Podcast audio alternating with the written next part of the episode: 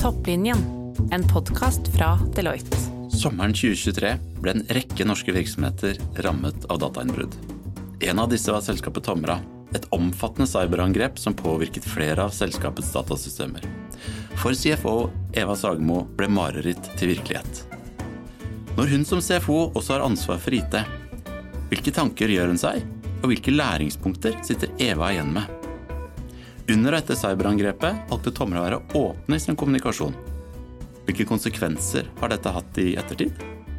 Du hører på Deloittes podkast Topplinjen, og mitt navn er Hans Ragnar Berg. Det var søndag morgen. Sommer. 16. juli. Fellesferie. Eva, ta oss med tilbake. Hva skjedde?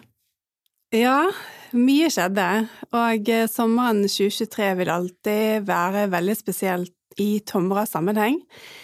Vi hadde jo akkurat levert eh, Q2 fredagen 14. Eh, juli, og hadde, var superklar for sommerferie. Jeg følte at den var veldig vel fortjent. Jeg hadde ankommet feriedestinasjon lørdag 15. Søndag 16. juli rundt lunsj så kommer telefonen fra sikkerhetssjefen i Tomra. Og det var jo litt pussig, for jeg pleier ikke å få telefoner på søndager fra mm. sikkerhetssjefen i Tomra, så det var jo bare å ta telefonen. Og det var jo en uh, veldig spesiell telefonsamtale, fordi at um, meldingen var jo at det var ikke sånn at det var et klart cyberangrep i Tomra, men det var veldig mange spørsmål og mye uvanlig aktivitet som gjorde at uh, alarmbjellene gikk i vår avdeling. Og da var det spørsmål hva, hva gjør vi? Hvordan skal vi håndtere dette? Og når du får den, den telefonsamtalen, når du tenker at uh, Oi, nå skjer det faktisk. Hva var det første du tenkte? Nei, altså, du, du, tenker jo bare med en gang, fordi at du som CFO og leder for IT, så vet du Du vet jo hva du Du vet jo hva du har, du vet hva du har rigget, og du vet også sårbarhetene dine.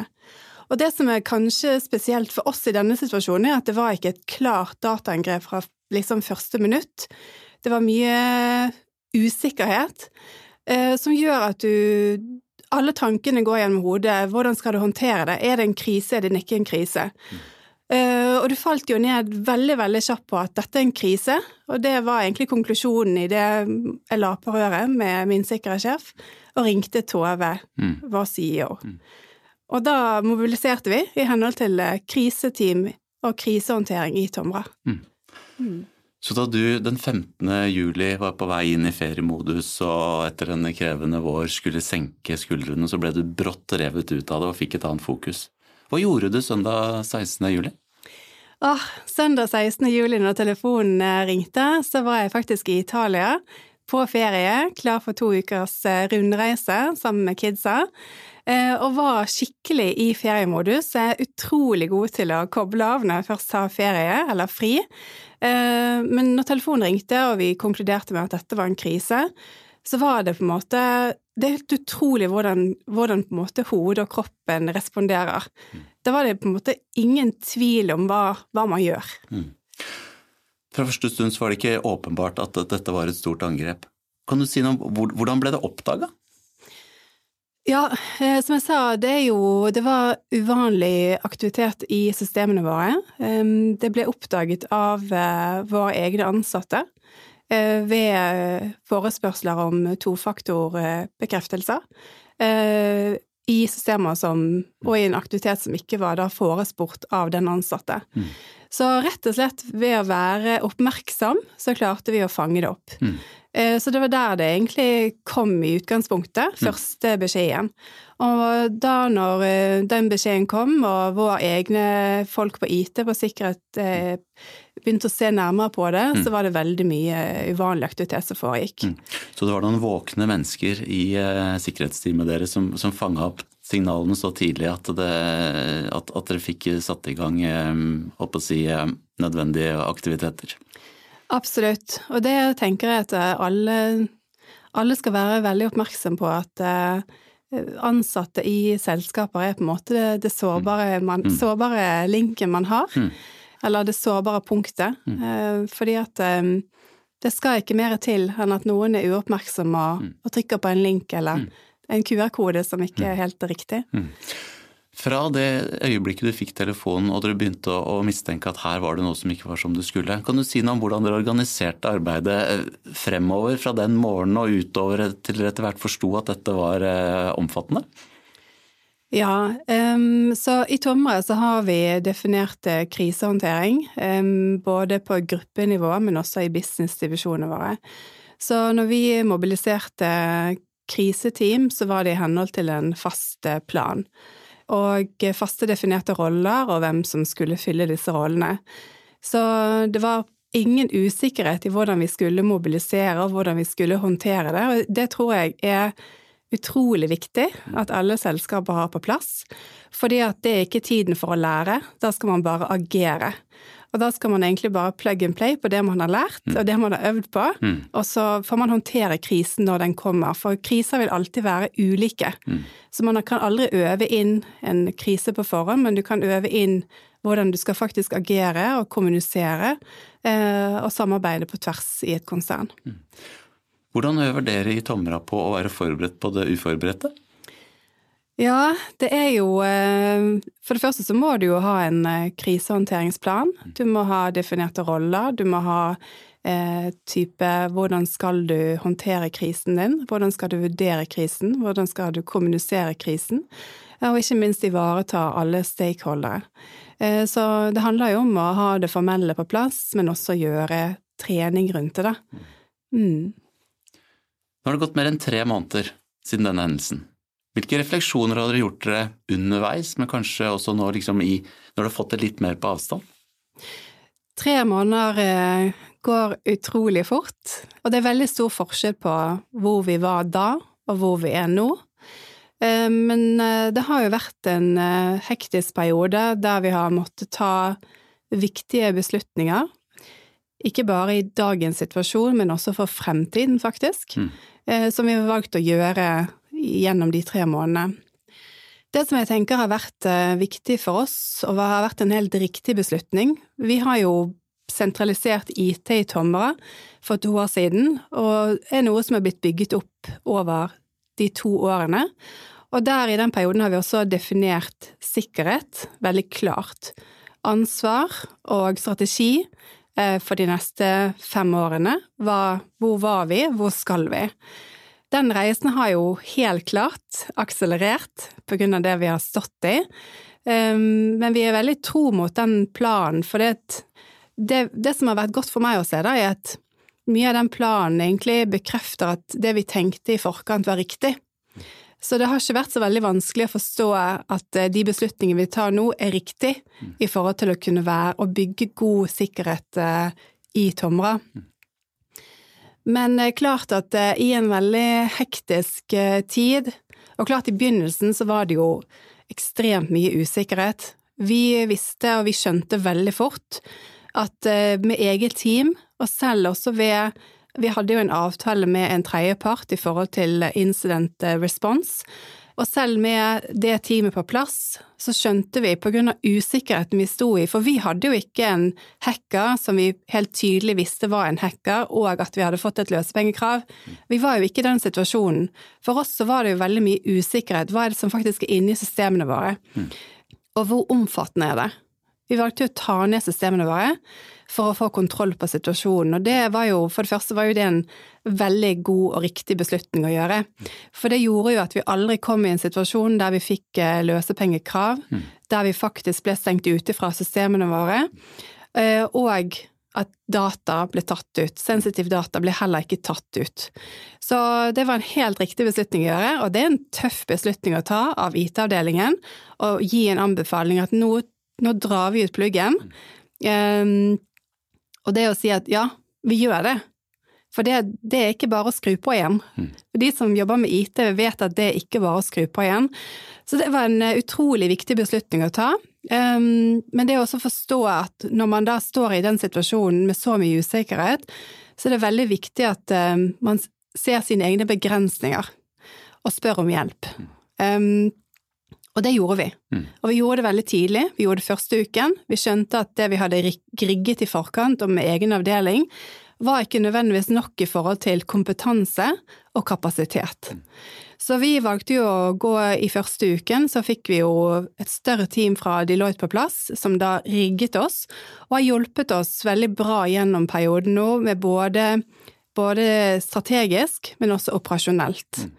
Eh, og det har vært viktig for å kunne få den farten som vi har hatt, for å kunne være operasjonelle igjen. Så hvis man ser på Tomre fra utsiden nå, så vil man tenke at vi er fullt operasjonelle igjen. Eh, og vi har vært veldig godt operasjonelt hele tiden. Vi har vært i drift. Vi har klart å produsere maskiner, vi har solgt maskiner, vi har utført service. Og vi har jo hatt tilgang til alle våre hva skal jeg si, cloud-systemer. Mm. Um, så vi har kunnet skrevet e-post, vi har kunnet på en måte kommunisert på Teams, og vi har tilgang til også våre eh, dokumenter som ligger i skyen. Så det gjør at veldig mange i Tomre har jo ikke følt på cyber i samme omfang som kanskje andre har, som har da hatt sine systemer nede. Mm. Sånn som for eksempel hele ERP-systemet har jo vært nede. Mm. Men det å forstå på en måte sin egen begrensning har vært utrolig viktig, å kunne spørre om hjelp, og kunne lene seg på eksperter i en sånn type situasjon. Fordi at um, det skal mye til for å rigge en organisasjon uh, som kan ta hele ansvaret når en så stor uh, incident inntreffer. Én mm. ting er på en måte mindre tilfeller som skjer daglig hos de fleste, men når det først skjer en så stor incident, så klarer svært få å gjøre det alene. Mm. Så det å komme inn tidlig er viktig. Mm. Og for meg så fremstår det som en modig beslutning å våge å fatte beslutningen om å stenge ned før det har materialisert seg og er å si, synlig full krise for alle. Hvor lenge var systemene deres helt nede? Ja, det er jo mange systemer som er nede enda, mm. Eh, så det er jo realiteten. Så når man ser på tommer fra utsiden, så ser vi veldig operasjonelle ut. Vi ser mm. ut som alt er bare good. Uh, og veldig mye er bra, uh, men det som er viktig å huske, er at vi har jo ganske mange applikasjoner i et såpass globalt konsern som Tomra, og ikke minst en infrastruktur som skaper plass. Mm. Uh, og vi har jobbet veldig strukturert i forhold til hva skal opp først. Mm. og det har vært en prioriteringsrekkefølge som har vært noe som vi har satt i enighet på tvers av konsernet, for vi har jo tre businessdivisjoner som er veldig autonome. Men vi har klart å enes om hva er da prioriteringene? Hva brenner faktisk først? Mm. Og for oss var det helt klart hva som var viktigst. Og hva er nummer to? Og hva er nummer tre? Og så videre og så videre. Og vi har en lang liste, men foreløpig så har vi fått opp eh, virkelig kjernesystemene våre, kjerneinfrastrukturen vår. Vi føler oss operasjonelle, men så er det jo veldig mange applikasjoner som gjenstår, og det tar jo tid. Og så er det noe med at man må bruke momentet da, til også faktisk å ta en tøff beslutning på hva velger vi ikke å ta opp igjen. Mm. For det er også noe som vi kommer til. Mm. I Tamra så sitter du som vi er inne på, du sitter som CFO med ansvar for, for IT. Hva syns du har vært, som CFO har vært det vanskeligste i denne prosessen? Ja, det er jo For det første så er det jo eh, min første krise, og det å være eh, ansvarlig for å håndtere krisen i Tomra, og ha ansvar for det området som faktisk krisen rammer.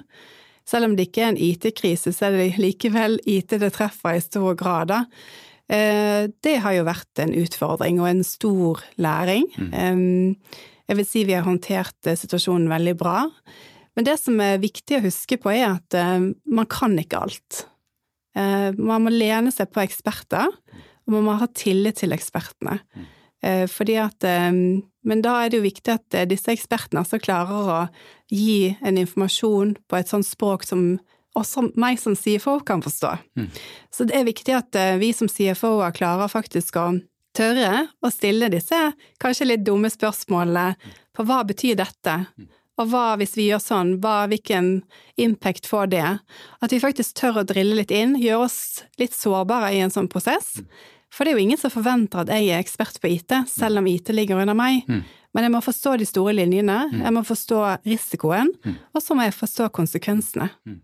Når du da fikk igjen et stort team med konsulenter, for å bygge denne tilliten og forståelsen, hva gjør dere de, hvordan er samhandlingen de første timene og dagene? Hva er viktig for å lykkes, sett fra ditt ståsted?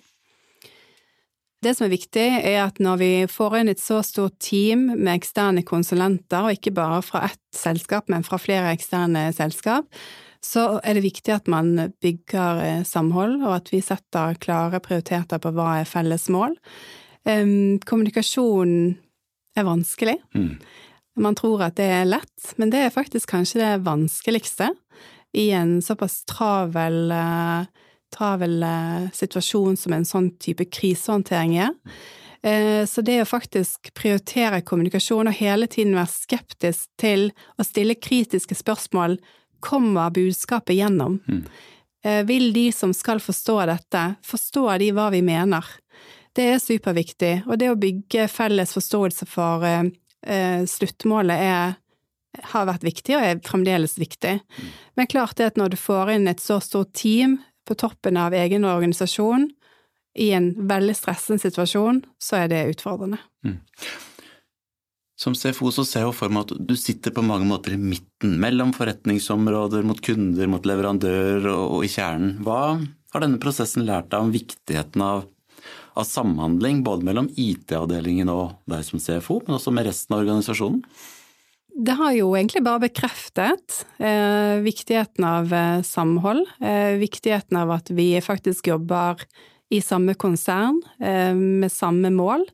Eh, og i Tomra så har vi, som jeg var litt inne på det tidligere, at vi har eh, tre divisjoner som, opp, som, driver autonomt i operasjonell drift. Så, og klart at det å stå Eh, i en situasjon der alle har sine egne interesser å tenke på, eh, er noe som er viktig at vi klarer å bryte ned og jobbe sammen. Mm. Og det er noe av det som jeg kanskje tenker jeg har vært eh, veldig fornøyd med gjennom krisen, og hvordan jeg ser organisasjonen vår har klart å stå i det. Mm. Vi har klart å spille på lag, vi har klart å bryte ned barrierer som vi gjerne har mellom divisjonene våre der vi jobber sammen eh, på prioriteringer, og ikke minst eh, ikke bare prioriteringer på applikasjoner og hva som er viktig for den ene eller den andre, men også ved å bruke ressurser på tvers. Ja, man har stått i en krise og det har vært krevende, men på mange måter så har kulturen i Tomra blitt styrka gjennom at dere har stått sammen? Jeg vil si at kulturen i Tomra har blitt eh, bekreftet samholdet har blitt styrket mellom divisjoner, vil jeg si. Eh, og det er jo veldig, veldig positivt. Eh, vi har eh, virkelig stått sammen i det. Vi har klart å mobilisere ansatte. Folk har kommet hjem fra ferie, de har avbrutt familieferie, reist hjem. Sommerferien 2023 er kansellert. Mm. Og vi er fremdeles, vi jobber fremdeles på. Lange dager. Det er virkelig fantastisk å se innsatsen. Ser du annerledes på ansvaret du har eh, for IT og cyber i dag, sammenligna med det du kanskje så, måten du så på det før 16.07.2023? Eh, jeg vil si nei til det spørsmålet. Mm. Fordi at eh, jeg har alltid sett på dette som veldig viktig. Når jeg tok over som CFO i mars 2022, så var dette med sikkerhet noe som jeg ikke kunne så veldig mye om. Eh, og når jeg ikke kan så veldig mye om det, så for å kunne ha ansvar, så må jeg lære meg eh, om temaet, om området. Mm. Så jeg har prøvd å forstå mye i forkant, men klart det for min del, da, nå i løpet av de siste tre månedene, så har jeg jo lært fantastisk mye. Og brikkene har falt virkelig på plass, mm. og man tenker å, å virkelig kan støtte den sikkerhetsavdelingen som jobber i Tomra for å ta de riktige beslutningene. Mm. Så jeg ser ikke nødvendigvis annerledes på det, for det er superviktig, men uh, klart jeg har fått mye mer dybde i forståelsen min på sikkerhet. Mm. Gjennom at flere av våre eksperter fra Deloitte um, i tiden etter angrepet har fått jobbe med Tomra, så har vi jo sett at dere allerede var ganske godt forberedt. Uh, dere hadde initiert flere prosesser, som du også beskriver, men allikevel så ble dere ramma. Hvilke råd vil du gi til andre CFO-er? Det er jo viktig, tenker jeg, når man står i en sånn situasjon, og vi har valgt å spille med ganske åpne kort eh, rundt denne situasjonen. Det å dele av erfaringer er veldig viktig. Mm. Da tenker jeg mest eh, eh i forhold til andre selskaper, andre CFO-er som har ansvar for IT og sikkerhet, at man faktisk prøver å lære av det andre selskaper har stått i. Og der har vi vært åpen for å kunne gi innsikt til andre selskaper om vår, om vår situasjon. Når det gjelder eh, sånn generelt eh, mer i forhold til å ha ansvaret for IT og sikkerhet som CFO, så tenker jeg at eh, man må tørre å stille disse dumme spørsmålene. Man må være ydmyk på at dette ikke er ditt fagområde, og man må tørre å dykke litt ned i ting. Og så er det jo noe som er veldig viktig, er at eh, IT og sikkerhet klarer å beskrive risikoen og strukturen og systemene eh, som skal til for å ta ned eh, risikoelementet for selskapet. Mm.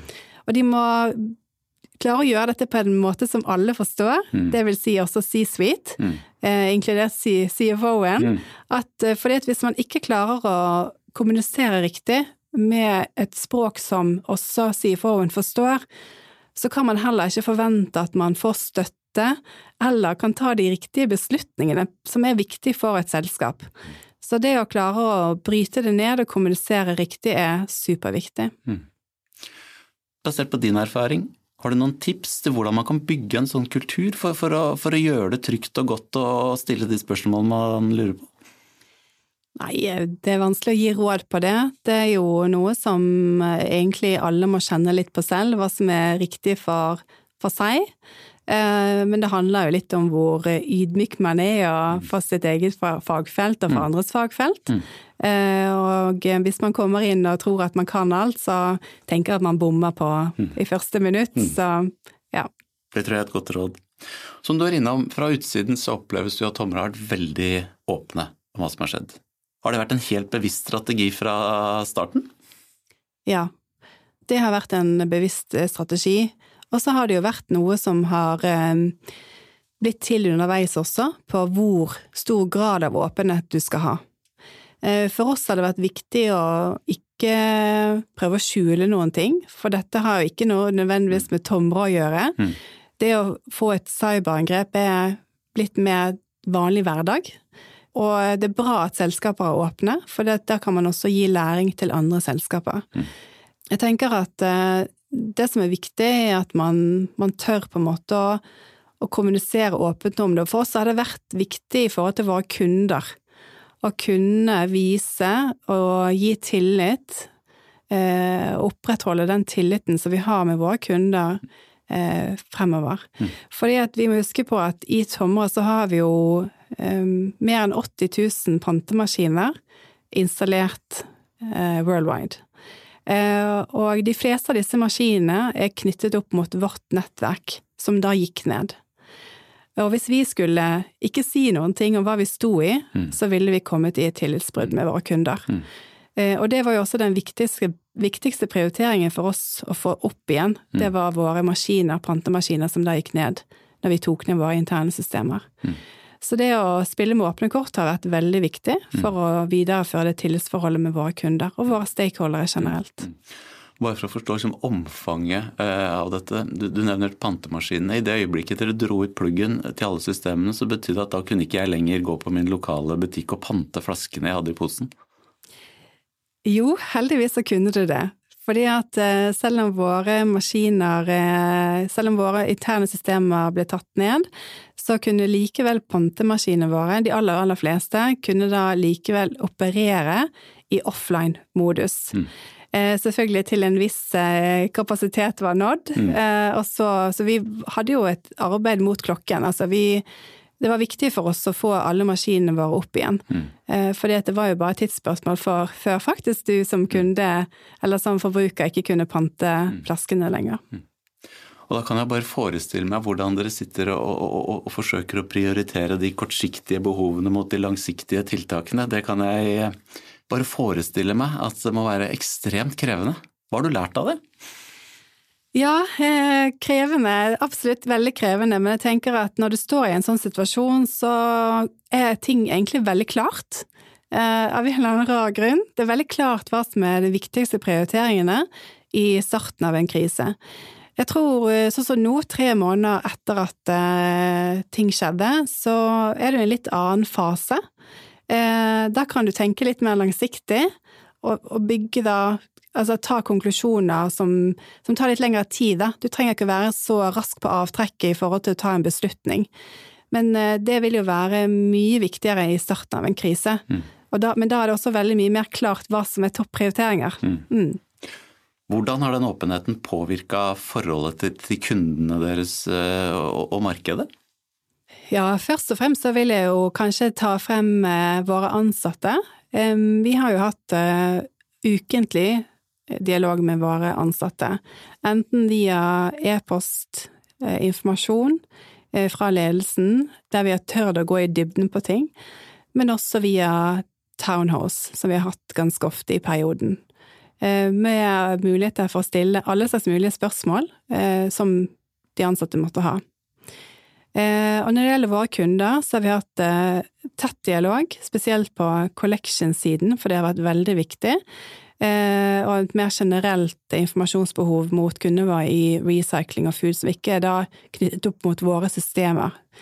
Så, og det har vært veldig, veldig viktig å spille med åpne kort, fortelle dem hva vi gjør, fortelle dem sårbarhetene, og ikke minst eh, gi dem eh, gi dem en forståelse for at det er ingen risiko knyttet til deres systemer, og data knyttet mm. til deres systemer. Mm. Så det har vært superviktig. Mm. Og så har vi jo andre stakeholdere i tillegg. Vi har jo et marked, vi er jo børsnoterte. Så jeg husker at jeg hadde eh, en felles call med alle analytikerne våre etter bare noen uker. Eh, og det var veldig spesielt, for da sto vi jo fremdeles i en situasjon der vi faktisk ikke helt, helt hadde oversikten, men likevel valgte å gå ut og snakke med dem, for det er viktig. Mm. Og så har vi jo styret vårt som vi har hatt eh, tett dialog med, og informert løpende om hva vi har stått i. Så, og det har også vært viktig. Mm. Og gjennom dette så har du også et styre som sitter eh, med det overordnede ansvaret. Kan du si noe om hvordan du som CFO og dere som ledelse har, har, har samarbeida med styret gjennom denne perioden? Ja, vi har jo informert styret løpende. Eh, styreformannen vår var jo informert søndagen det skjedde, og så har vi hatt løpende informasjon til styret, enten direkte i styremøter Eh, eller oppdateringer skriftlig, også via vår audit committee, revisjonsutvalget. Mm. Mm.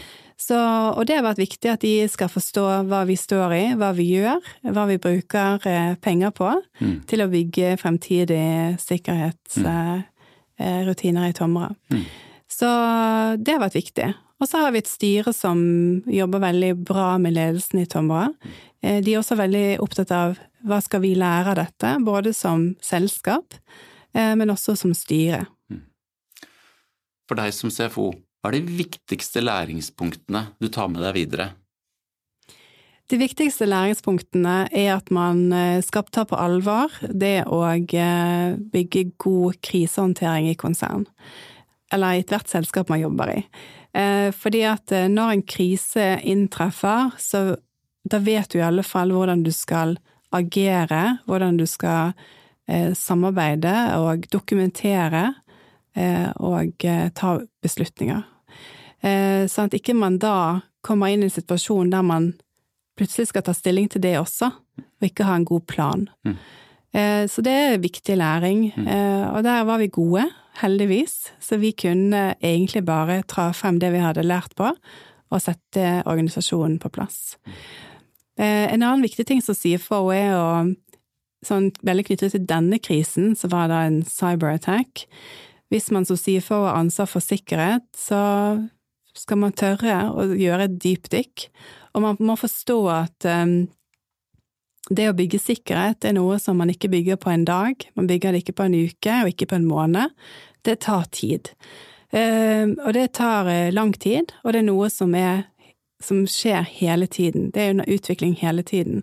For trusselbildet endrer seg. Eh, de som sitter på andre siden, blir eh, mer og mer kreative og finner nye muligheter for å kunne eh, angripe selskap. Enten det er for å ta ut data, eller for å, for å være finansielt motiverte. Mm. Eller for å skade selskapet. Mm. Så det er veldig viktig at man er ydmyk på at eh, her trenger man å bygge god kultur, ha gode rutiner eh, og gode systemer, satt i en god struktur, eh, sånn at man kan iallfall isolere mm. hvis det treffer mm. et selskap igjen. For deg som CFO, hvilke refleksjoner gjør det deg i forhold til avveiningen mellom å evne å få gjennomslag for å kjøre disse prosessene i forkant, eh, når du til enhver tid blir eh, utsatt for press på rapportering, rapportering, rapportering. Det, har det vært krevende? Er det krevende som CFO? Jeg tror det er krevende for enhver CFO eh, med ansvar for sikkerhet, fordi at det å bygge sikkerhet, det koster penger. Og klart at når du skal investere i noe, så vil du gjerne se verdi i dag kontra verdi om fem år eller om to år. Mm. Så, og det å måtte gå inn og forsvare noe som da koster en del penger og krever en del ressurser, er selvfølgelig alltid utfordrende, uansett hva man skal mm. investere i. Mm. Så, men det å tenke at man skal bygge sikkerhet eh, over tid er viktig, mm. eh, og at man da må ha en plan for det. Mm. Og så vil jeg jo tro at eh, de aller fleste selskaper er på en reise her, og vil være på en reise lenge fordi at dette er et uh, område som er veldig under utvikling. Mm. Eva som person oppi dette her, da. Det må, ha vært, um, det må ha vært innholdsrike uker og måneder som det er inne. Hva har Eva lært? Det jeg har lært, er at eh, det bor utrolig mye mer i egentlig de fleste mennesker enn det man tror i utgangspunktet. Og at man har utrolig mye ekstra man kan bidra med når virkelig ting blir satt på spissen.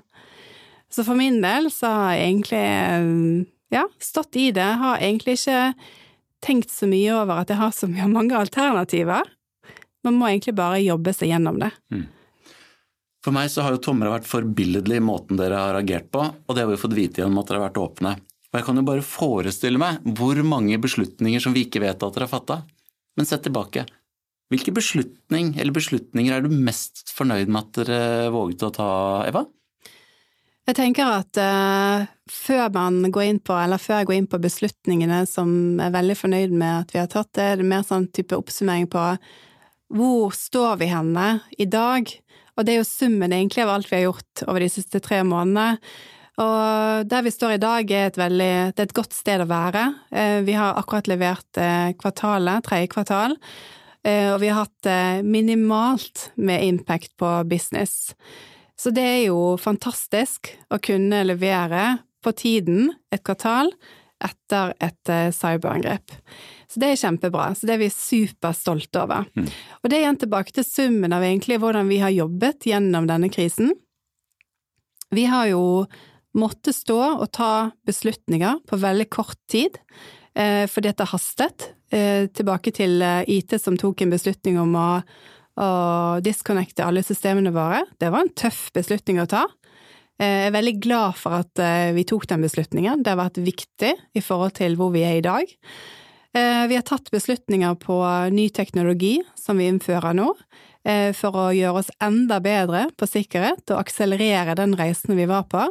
Det har vært en viktig beslutning å ta, og klart at det er en beslutning som som krever mye mer fra vår IT-organisasjon å innføre også. Det er ikke sånn at du bare bestiller et produkt og plug and play, og så er vi videre. Dette krever endring i IT-organisasjonen også. Så de type beslutningene er jeg veldig fornøyd med at vi har klart å ta, og at vi har tatt det innenfor visse tidsrom for å kunne løpe videre. For vi har virkelig løpt de siste tre månedene. Mm. Eh, og det er jo det resultatet vi ser nå, at vi står veldig godt oppreist etter det som traff oss i sommer. Med grunnlag i det dere har vært igjennom, eh, Eva, hva har denne prosessen lært om viktigheten mellom samhandling eh, hva gjelder IT og sikkerhet på den ene siden, og økonomifunksjonen av deg som CFO på den andre siden? I forhold til det vi har vært igjennom, så tenker jeg at eh, jeg tror hele Tomra-organisasjonen har skjønt viktigheten av sikkerhet, og at sikkerhet ikke bare er noe som sitter i IT og under mitt ansvar. Alt vi gjør på sikkerhet, er for å spille hele organisasjonen vår gode og sterke. Og vi må huske på at eh, vi med våre 5500 ansatte har 5500 sårbarheter. Eh, og vi må også spille våre ansatte gode, og det gjør vi jo kun ved å ha gode systemer på plass, gode rutiner, gjøre investeringer i sikkerhet, for ellers så kan man fort ende opp i en situasjon der man faktisk eh, får et eh, cyberangrep som faktisk da går så vidt som det gjorde i Tomra. Mm. Så her er det viktig at eh, vi som har ansvar for sikkerhet, er god på å informere, god på å fortelle business hva det krever faktisk å drive med sikkerhet. Det er ikke noe vi gjør isolert i IT, det er noe som også skal leve ute i absolutt alt vi gjør. Og da blir det viktig at man eh, forteller hva det kreves av investeringer, av systemer, og hva det kreves å drifte sikkerhet i et stort konsern. For det er ikke noe man gjør med venstre hånd. Dette er noe som lever i alle businessprosessene i et selskap. Mm. Og jeg må da få si, Eva, tusen, tusen hjertelig takk for at du kom til topplinjen. Bare hyggelig. Hvis du vil høre mer om eh, CFO-rollen i endring og bli inspirert, trykk abonner for ikke å gå glipp av kommende episoder.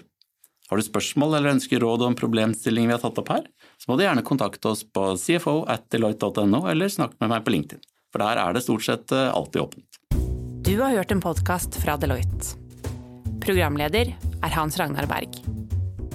Episoden er spilt inn i Deloittes podkaststudio Anna Nadia Faris og klippet av Truls Johansen. Resten av topplinjen er Charlotte Forlund Gunnhus og Mina Grimstad Karlsen.